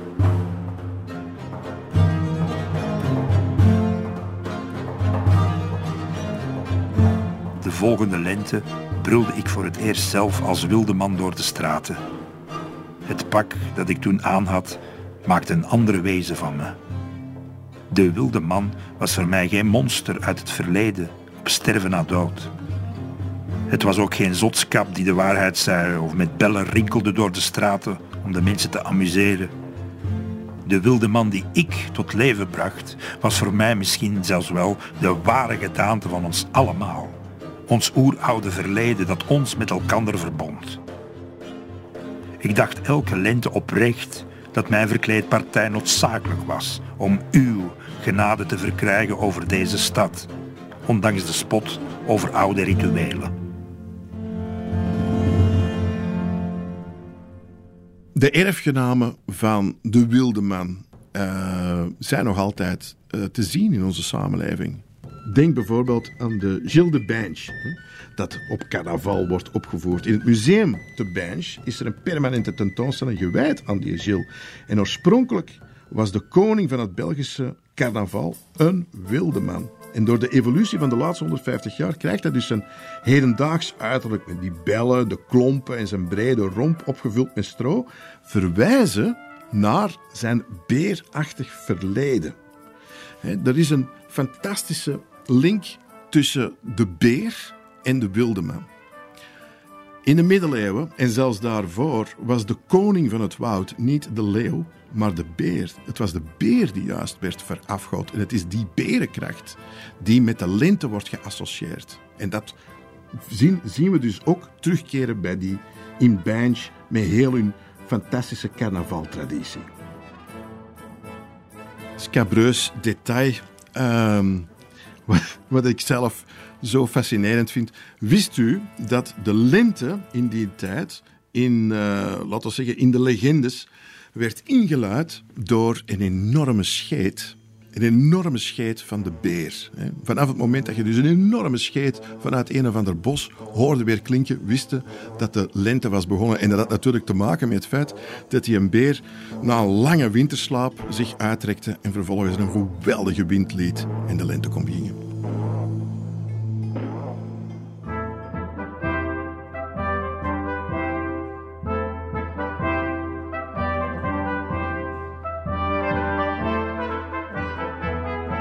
Met de komst van de lente en na de wilde man die ellende achter de rug kan men weer opgelucht ademhalen. In dat Antwerpen was het maar waar. Want er is weer een nieuw probleem. En het heeft dit keer te maken met een internationaal conflict. Er was namelijk een oorlog in de Oostzee tussen Denemarken en Zweden. En die Denen die waren sowieso kwaad op de lage landen, want die uh, voerde illegaal wapens naar die Zweden. En dus er komt natuurlijk weer een boycott. En de aanvoer van goederen natuurlijk, het belangrijke graan, werd daardoor zwaar bemoeilijkt. En die problemen die hielden al een hele flinke tijd aan. En in mei laat de Deense koning de belangrijke waterweg de Sond afsluiten. Dat is een van die zeestraten die de Oostzee met het Kattegat verbindt. En wat is het gevolg? Binnen de kortste keren stijgen de graanprijzen weer naar exorbitante hoogtes. Er is nog een ander probleem. Er wordt gespeculeerd op het graan. Want een mogelijke schaarste belooft natuurlijk grotere winsten voor die graanhandelaars. En wanneer een tijdje later duidelijk wordt dat ook de eigen oogst dreigt te mislukken, is het hek helemaal van de dam. En ten gevolge van die speculatie verdwijnt het graan hoe langer hoe meer van de markt. Iedereen aarzelt te verkopen in afwachting van een nieuwe prijsverhoging.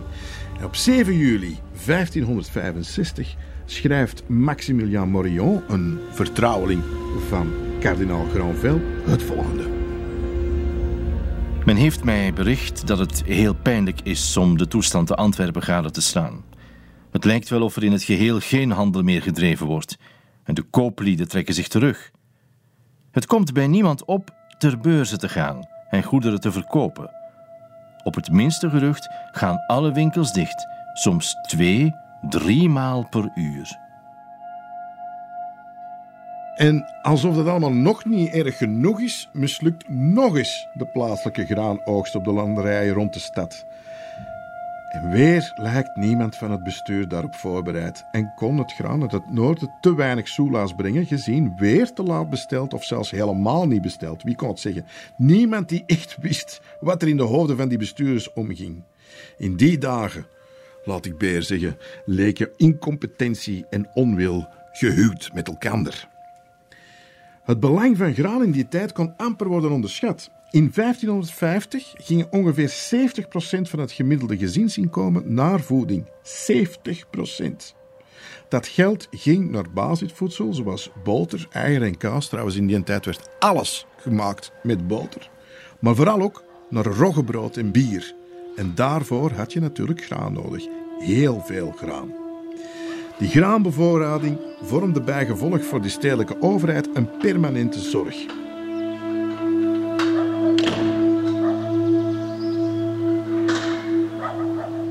Door die graanschaarste uh, waren vooral de arme mensen uiteraard gedwongen om inferieur en zelfs verdacht graan te eten. Sommige van die graansoorten beschimmelden. En die schimmel op dat graan noemt men moederkoren. En waarom noemt men dat moederkoren? Omdat vroedvrouwen die schimmel gebruikten om weeën op gang te brengen bij uh, vrouwen die uh, moesten bevallen. Dus er was langs de ene kant een medisch gebruik van, die, uh, van dat moederkoren. Een andere naam daarvoor is ergot. Maar de andere kant was veel gevaarlijker natuurlijk. Als het uh, werd ingenomen in grote hoeveelheden, dan kon het krampen veroorzaken, convulsies veroorzaken. Mensen begonnen te hallucineren. Er is zelfs een theorie dat arme mensen bewust die schimmel aten om de wereld, om hun armoedig bestaan te vergeten. En dat is niet zo heel merkwaardig, omdat in die ergot uh, een zekere Albert Hofman in de 20e eeuw begint die ergo te analyseren en haalt daar elementen uit en komt uiteindelijk uit, toevalligerwijze, op LSD. Dus op dat hallucinogeen. En dus dan zien we door de straten van Antwerpen een zeer merkwaardige stoet van mensen die in feite high zijn uit ellende. En dat fascineert mij zo dat ik er een tafereel aan gewijd heb in mijn boek Wilde Vrouw, waarin we een stoet zien van mensen die high zijn op ergot. De stilte, die al weken als een bevroren doodsluier over deze machteloos geworden stad hing, werd ineens door geroep doorbroken. Het leek wel een stoet. Ze trokken voorbij de grote markt. Sommigen zakten onderuit. Maar zelfs wanneer ze vielen, bleven ze in de bevroren modder stuip trekken. Indien je niet op hun ogen lette, mocht je aannemen dat ze simpelweg dansten, dat ze deel uitmaakten van een spookachtig feest of van een wagenspel zonder wagen in de buurt. De meeste van hen hadden schuim op hun lippen en hun blik was naar binnen geslagen, waar er blijkbaar grootste dingen stonden te gebeuren. Er waren erbij die om de vijf tellen in lachen uitbarsten. Anderen grijnsden wanneer ze voelden dat ze werden bekeken en trokken vervolgens hun ogen wijd open, wat de omstaanders onbehagelijk maakte.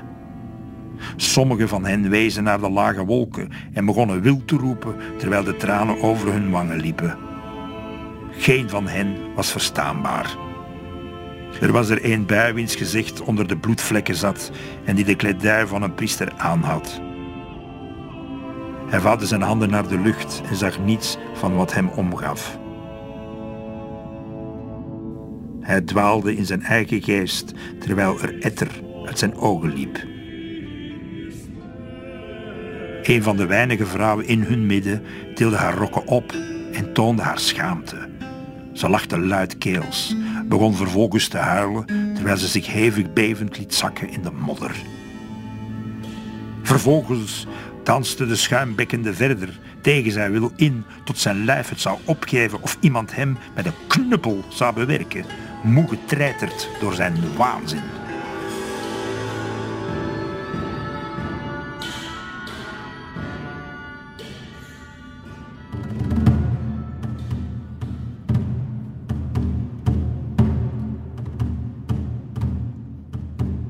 Inmiddels zijn we in de zomer van 1565 terechtgekomen. En er is nog altijd heel veel criminaliteit veroorzaakt door honger en de nog altijd stijgende graanprijzen. In het Antwerps Kroniekje, een van die kronieken die wij hebben geraadpleegd voor Wilde Vrouw, staat er te lezen dat twee jonge mannen werden opgepakt en op 14 juli 1565 terechtgesteld. Op de 14 juli werden buiten Antwerpen op het Galgeveld twee jonge straatschenders geradbraakt op de Richtberg. Het welk zeer deerlijk was om zien, want het was voor het eerst in honderd jaren dat al daar zoiets te zien was geweest. Dat die kroniekschrijver hier duidelijk aangeeft dat voor het eerst in 100 jaar was dat er nog iemand geradbraakt werd, is zeker niet zonder betekenis. En het klopt wat hij zegt, of toch bijna. Historisch onderzoek heeft uitgewezen dat inderdaad van het jaar 1419 geleden was dat er in Antwerpen nog een radbraking had plaatsgevonden. Het was dus op dat moment dus meer dan 100 jaar geleden, 150 jaar geleden dat deze barbaarse praktijk in de tweede helft van de 16e eeuw een wedergeboorte kende, niet alleen in Antwerpen, maar ook in de rest van de Nederlanden, kan geen louter toeval zijn. Want die straf die was voor de allerzwaarste misdadigers. Ja, van zware criminaliteit was er, over, als we het hebben over die twee jongens, natuurlijk geen sprake. Um, waarom werden die dan alsnog geradbraakt? Wel, de stad wilde simpelweg een voorbeeld stellen, een afschrikwekkend voorbeeld. Omdat de stemming in Antwerpen zo beneden peil was geraakt, dat er zoveel criminaliteit was, dat ze probeerden op die manier, met die vreselijke radbraking, een voorbeeld te geven aan de Antwerpenaren. Hoe ging zo'n straf in zijn werk? Wel, het Galgeveld van Antwerpen bevond zich in Berchem, net buiten de stadsomwalling. In het huidige Albertpark, in feite, niet zo ver waar dat nu de brouwerij De Koning zich bevindt. En daar kwamen allemaal mensen samen, omdat zo'n terechtstelling was een heel publiek gebeuren. En daar rekende die stedelijke overheid natuurlijk op. En mensen verzamelden zich op die plek. En die plek was wel bijzonder. De stank bijvoorbeeld moet verschrikkelijk geweest zijn. Er hingen nog lijken van de vorige terechtstelling, maar er lagen ook geslachte dieren, bijvoorbeeld karkassen van geslachte dieren, werden daar ook verzameld op dat uh, galgeveld. En Beer en zijn zoon en een paar vrienden verzamelen zich op die plek uh, op het moment dat die twee jonge kerels uh, terechtgesteld worden. De volgende dag op het Galgeveld aan Berchem, op die heuvel die men de Leeuwenberg noemt, juist buiten de stadsmuren en waar al zoveel slecht volk zijn ziel en zaligheid had gegeven, waren er nog meer toeschouwers dan tijdens de vierschaar. Ik denk dat de meeste mensen niet helemaal geloofden wat er stond te gebeuren, Zo lang was het geleden dat er nog zo'n strenge straf was uitgesproken. De stenen galk versierd met de leeuwen van Brabant oogde grimmiger dan ooit. De twee werden met kar en paard gebracht, klappertandend in slechts een lendendoek en onder een nog steeds stralende zon. De beul en de pastoor van Sint-Andries, vader Marcellus, stonden hen op te wachten aan de heilige kruiskapel voor het laatste gebed, allebei met hun handen voor zich gevouwen en hun blik naar de grond gericht. In de heesters waren er kraaien te horen.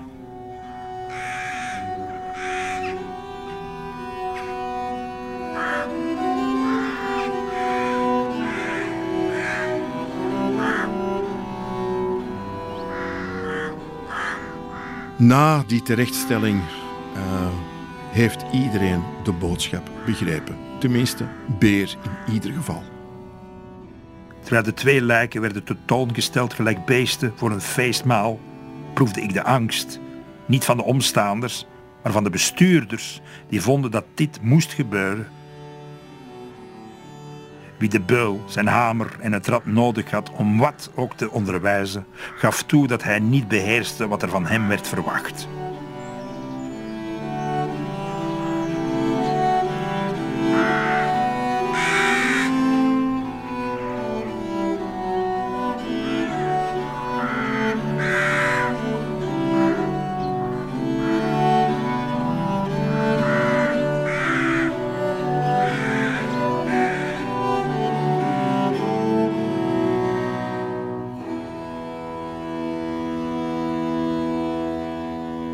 Wat voor een effect had die gruwelijke executie op de stadsbewoners? Het was in ieder geval niet het effect dat het stadsbestuur op had gehoopt. Hè? Want het stadsbestuur dacht natuurlijk, we gaan die twee executeren en dan zal iedereen zo geïntimideerd zijn dat de criminaliteit zal dalen.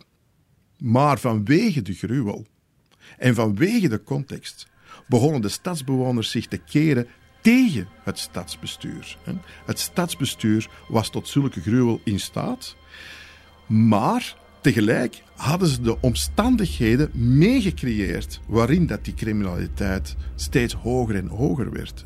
De stadsbewoners achten zich in de steek gelaten door het stadsbestuur, omdat het stadsbestuur niet genoeg voor hen zorgde, omdat die armoede alleen maar toenam, omdat ze niks deden tegen de speculatie op graanwaren, wat het leven in die tijd zo onmogelijk achtte. Er hing dus een sfeer van rebellie in de lucht. Ja, dat is natuurlijk een situatie die niet langer houdbaar is. De spanning neemt alleen maar toe. En wie dat beter dan wie ook begrepen heeft, is nu net die regentes Margaretha van Parma. Een dreigende hongersnood bovenop al die religieuze spanningen, dat is een tikkende tijdbom. En ze neemt dus een verstandige beslissing. Een beslissing trouwens die het stadsbestuur beter zelf ook had genomen. Uh, op 25 september kondigt ze een uitvoerverbod op graan af. En tegelijkertijd verklaart ze alle speculatieve graantransacties strafbaar. Ja, dat is natuurlijk iets, dat is een maatregel waar dat je wat sympathie uh, voor krijgt. Hè. De bevolking zal dat zeker hebben gewaardeerd. Hè. Maar dat houdt die speculanten natuurlijk ook niet echt tegen. Integendeel, die graanhandelaars zijn op hun beurt gekrenkt. Ah ja, want in feite uh, begint ze zich nu gewoon te moeien met de prijzen van graan. En dan begint u natuurlijk ook te moeien gewoon met de handel op zich. En die graanhandelaars die zijn dus op hun beurt weer slechtgezind. Weer een voorbeeld van de, ja, de moeilijke positie waarin Margaretha van Parma zit op dat moment. Ze moet constant proberen om de kool in de gaten te sparen. En ze kan bij niemand tegelijkertijd goed doen.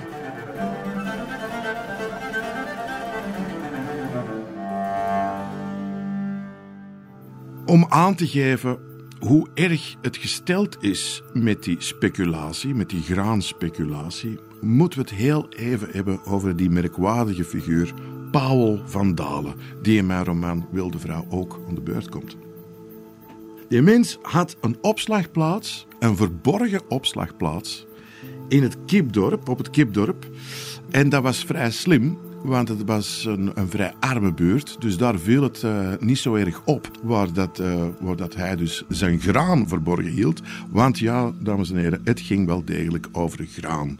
Hij had graan verborgen op het moment dat de bevolking snakte naar meer graan en zich blauw betaalde aan dat graan, als ze het zich al konden veroorloven. En die Paul van Dalen die vond dat natuurlijk fantastisch, want die verdienen daar heel veel geld mee. Maar wat gebeurt er? Soms, dames en heren, is God een dramaturg. Want het magazijn stort in.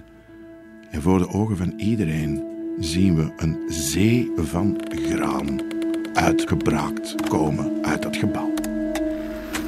Het gebouw kraakte en de steunbalken aan een van de zijkanten begaven het, gelijk een krijger staande op een slagveld. Zo werd er met smaak en woede verteld, wiens knie verbrijzeld was geraakt door een welgemikte slag, waardoor hij zijn zwaar harnas niet meer kon dragen en in de bloederige modder onderuit ging. Zo ook helde het houten gebouw gevaarlijk naar een van zijn zijkanten en braakte het vervolgens graan. Zoveel duizenden ponden in het slijk van de straat, vooraleer heel de geheime opslagplaats verder openscheurde en wegzakte.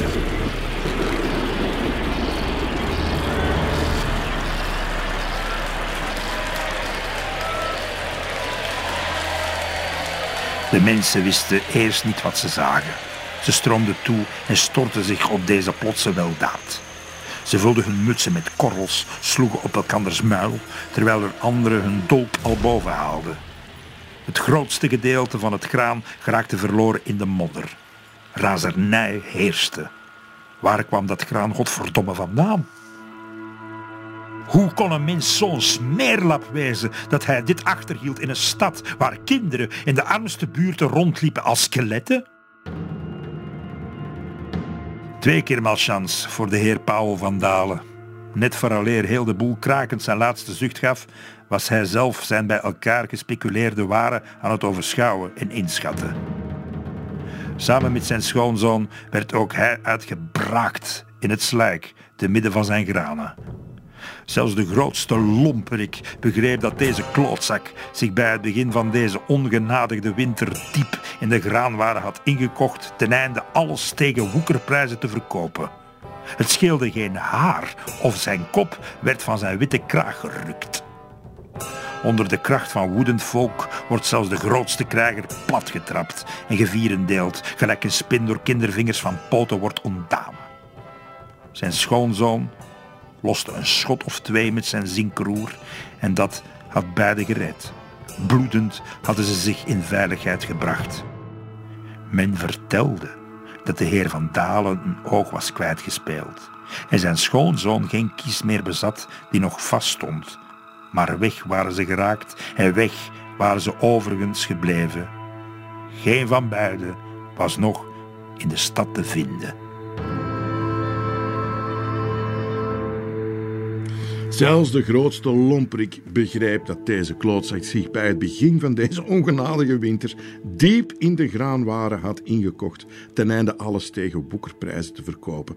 Ja, ik kan er ook niet aan doen. Het is echt gebeurd, dames en heren. En de echo's met het heden, ja, die moet u zelf maar horen.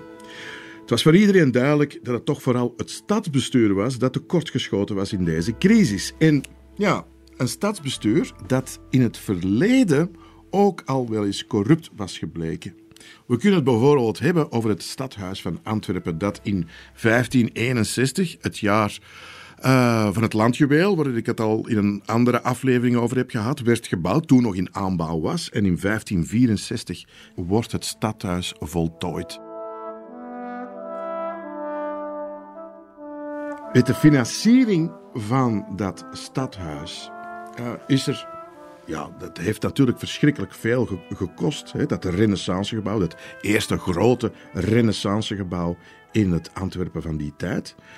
En de stad had iets gevonden op hm, ja, een mogelijke bron van inkomsten, namelijk het verkopen van de rente op de inkomsten van haar aanstaande nieuwe eigendom. Wat dus wil zeggen, op de benedenverdieping waren er ruimtes voorzien voor winkeltjes op de grote markt. Dus dat is een toplocatie. En die, zou dus, die winkeltjes zouden voor veel geld kunnen worden verhuurd. En de eerste die daar een gouden zaak in ziet, is Jacob van Wezenbeke, oftewel Kopke, zoals hij in de annalen ook al wordt genoemd. Dat is een opmerkelijke figuur. Hij was in die jaren namelijk stadspensionaris, wat een vrij belangrijke functie was. En de voornaamste taak van een stadspensionaris was het adviseren van het bestuur van een stad of gewest in juridische aangelegenheden. Bijvoorbeeld bij twisten met steden in de buurt over tolrechten of andere privileges. En dan was hij altijd de woordvoerder. Hij was de man die het woord mocht voeren. En ook het toezicht op de stedelijke financiën behoorde tot zijn takenpakket. En zoals het cliché het voorschrijft, gaat hij zich daarbij te buiten aan een frauduleuze constructie waarmee hij zelf flink kon profiteren van de rentes die de stad zou uitbetalen aan degenen die geïnvesteerd hadden in de bouw van het stadhuis. Hij had er zelfs zijn eigen keukenmeid mee in betrokken. Maar uh, zijn plan is sowieso een mislukking. Het is te zeggen, in Wilde Vrouw laat ik dat plan danig mislukken. Een jaar na de voltooiing, laat ik beer constateren, staan de meeste van die winkeltjes nog leeg. Ik heb geen idee of dat daadwerkelijk wel zo was, maar ik dacht, ik ga een soort van gerechtigheid alsnog toekeren aan die kopke, aan die Jacob van Wezenbeke. En opeens is het in mijn boek geen bon ton meer om te pochen met goede relaties met het stadsbestuur.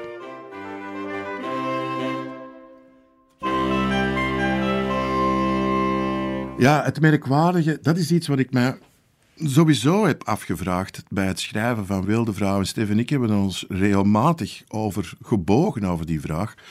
We, we zijn wat teruggegaan in de tijd. Op het moment trouwens dat wij aan Wilde Vrouw begonnen, de research voor Wilde Vrouw, uh, waren er opgravingen van de Spaanse stadsomwalling in Antwerpen. En wij worden uitgenodigd door een van de archeologen om te komen kijken naar die, uh, naar die Spaanse omwalling. Hè.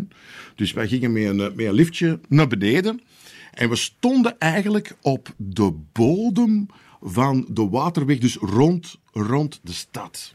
Dus we konden gewoon van dichtbij zien hoe die stadsomwalling juist uh, is gemaakt, werd gebouwd. En dat was super interessant, omdat de eerste meters was heel degelijk gebouwd. Heel degelijke stenen, vrij dure stenen ook. Maar er eenmaal boven zagen we dat er toch een kwaliteitsverschil was in stenen. En de archeologen, en dat vonden wij natuurlijk eh, super fascinerend, de archeologen vertelden van vanaf hier, dus vanaf het moment dat de kwaliteit een beetje naar beneden ging, is Gilles van Schoonbeke beginnen te bouwen. Wel, wat was er juist gebeurd?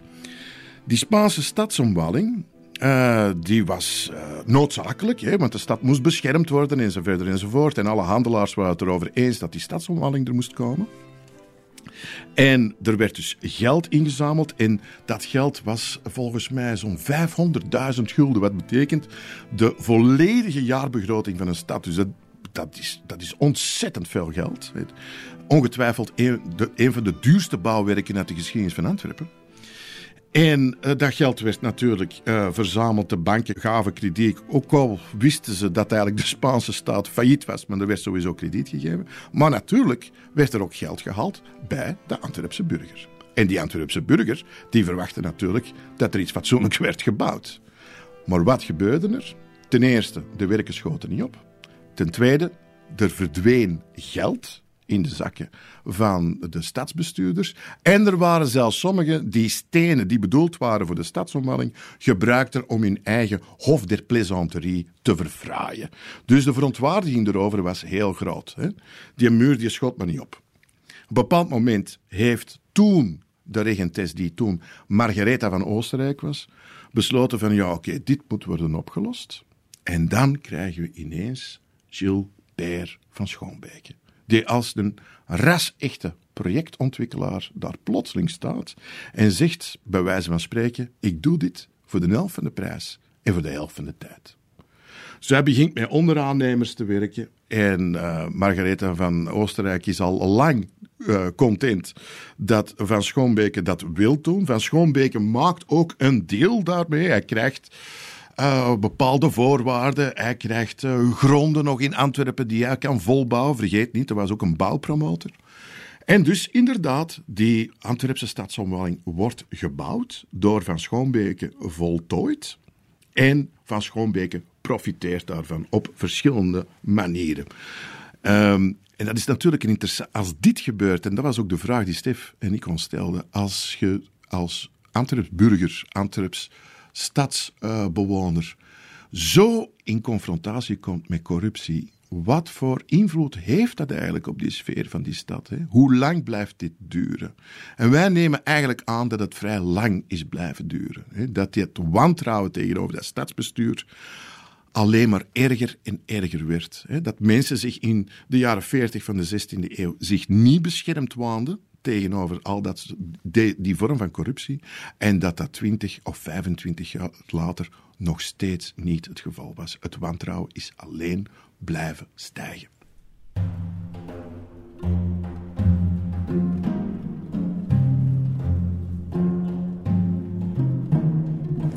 Ja, die, het kopje of Jacob van Wezenbeke was niet alleen een uh, corrupte stadspensionaris. Hij was dus blijkbaar ook een gifmenger. Uh, want hij was ook, en hij was niet enkel een gifmenger, hij was ook iemand die uh, graag naast de pot piste. Hij viel voor een schone uit Brugge en had dus het plan opgevat om zich van zijn eigen vrouw te ontdoen en dus wel door vergiftiging. En en dat weten we in de chronieken of in de annalen. Hij zou daarbij met twee soorten gif hebben gewerkt. Eén dat langzaam deed verkwijnen, dat fistos verwekte. En een ander daarna dat de dood tot gevolg zou moeten hebben, welke is die dood aan die fistos zou worden toegeschreven. Wanneer een eerste poging mislukt, betrekt hij een dienstknecht in zijn snode plan. En hij draagt hem op in zijn afwezigheid het poederken in de melk te doen die Elisabeth, zijn vrouw, eten zal. Zo staat het dus letterlijk in de annalen. Maar zijn vrouw, Elisabeth Asseliers, kreeg het poederken niet in de melk. Gelukkig voor haar kreeg de dienstknecht het niet over zijn hart en hij bracht haar op de hoogte van het complot. Na poederke, dat nadien in het sporenonderzoek Solmatre de Venise blijkt te zijn. Wij hebben, dames en heren, absoluut geen idee wat Solmatre de Venise is. Um, stuur een mail als u het weet. Solmatre de Venise, dat poedertje, werd in de plaats uitgetest op een duif en dat arme dier overleefde het niet. En daarmee hadden ze daar natuurlijk genoeg bewijs om naar het gerecht te stappen tegen het kopje Jacob van Wezenbeke. Maar naar alle waarschijnlijkheid ging Jacob van Wezenbeke vrij uit, omdat hij weer naar alle waarschijnlijkheid, of om, het in het, om de uitdrukking te gebruiken die ik veelvuldig gebruik in uh, Wilde Vrouw, namelijk de vlieg maar gaat, dat de prins van Oranje zelf, Jacob van Wezenbeke, in bescherming hield. Dus echt gestraft werd de man niet. En als we nu het toch hebben over Willem van Oranje. Wel, die is op dat moment helemaal niet bezig met die malafide stadsambtenaar. Integendeel, voor hem en alle andere hoge edelen is de maat vol. De tijd van de schone woorden en de diplomatie is definitief voorbij. Herinner u, hij is in een machtsstrijd verwikkeld met Margaretha van Parma. En die hogere edelen zullen samen een vuist maken. En de geschiedenis van onze lage landen zal daardoor bepaald worden. Thank you.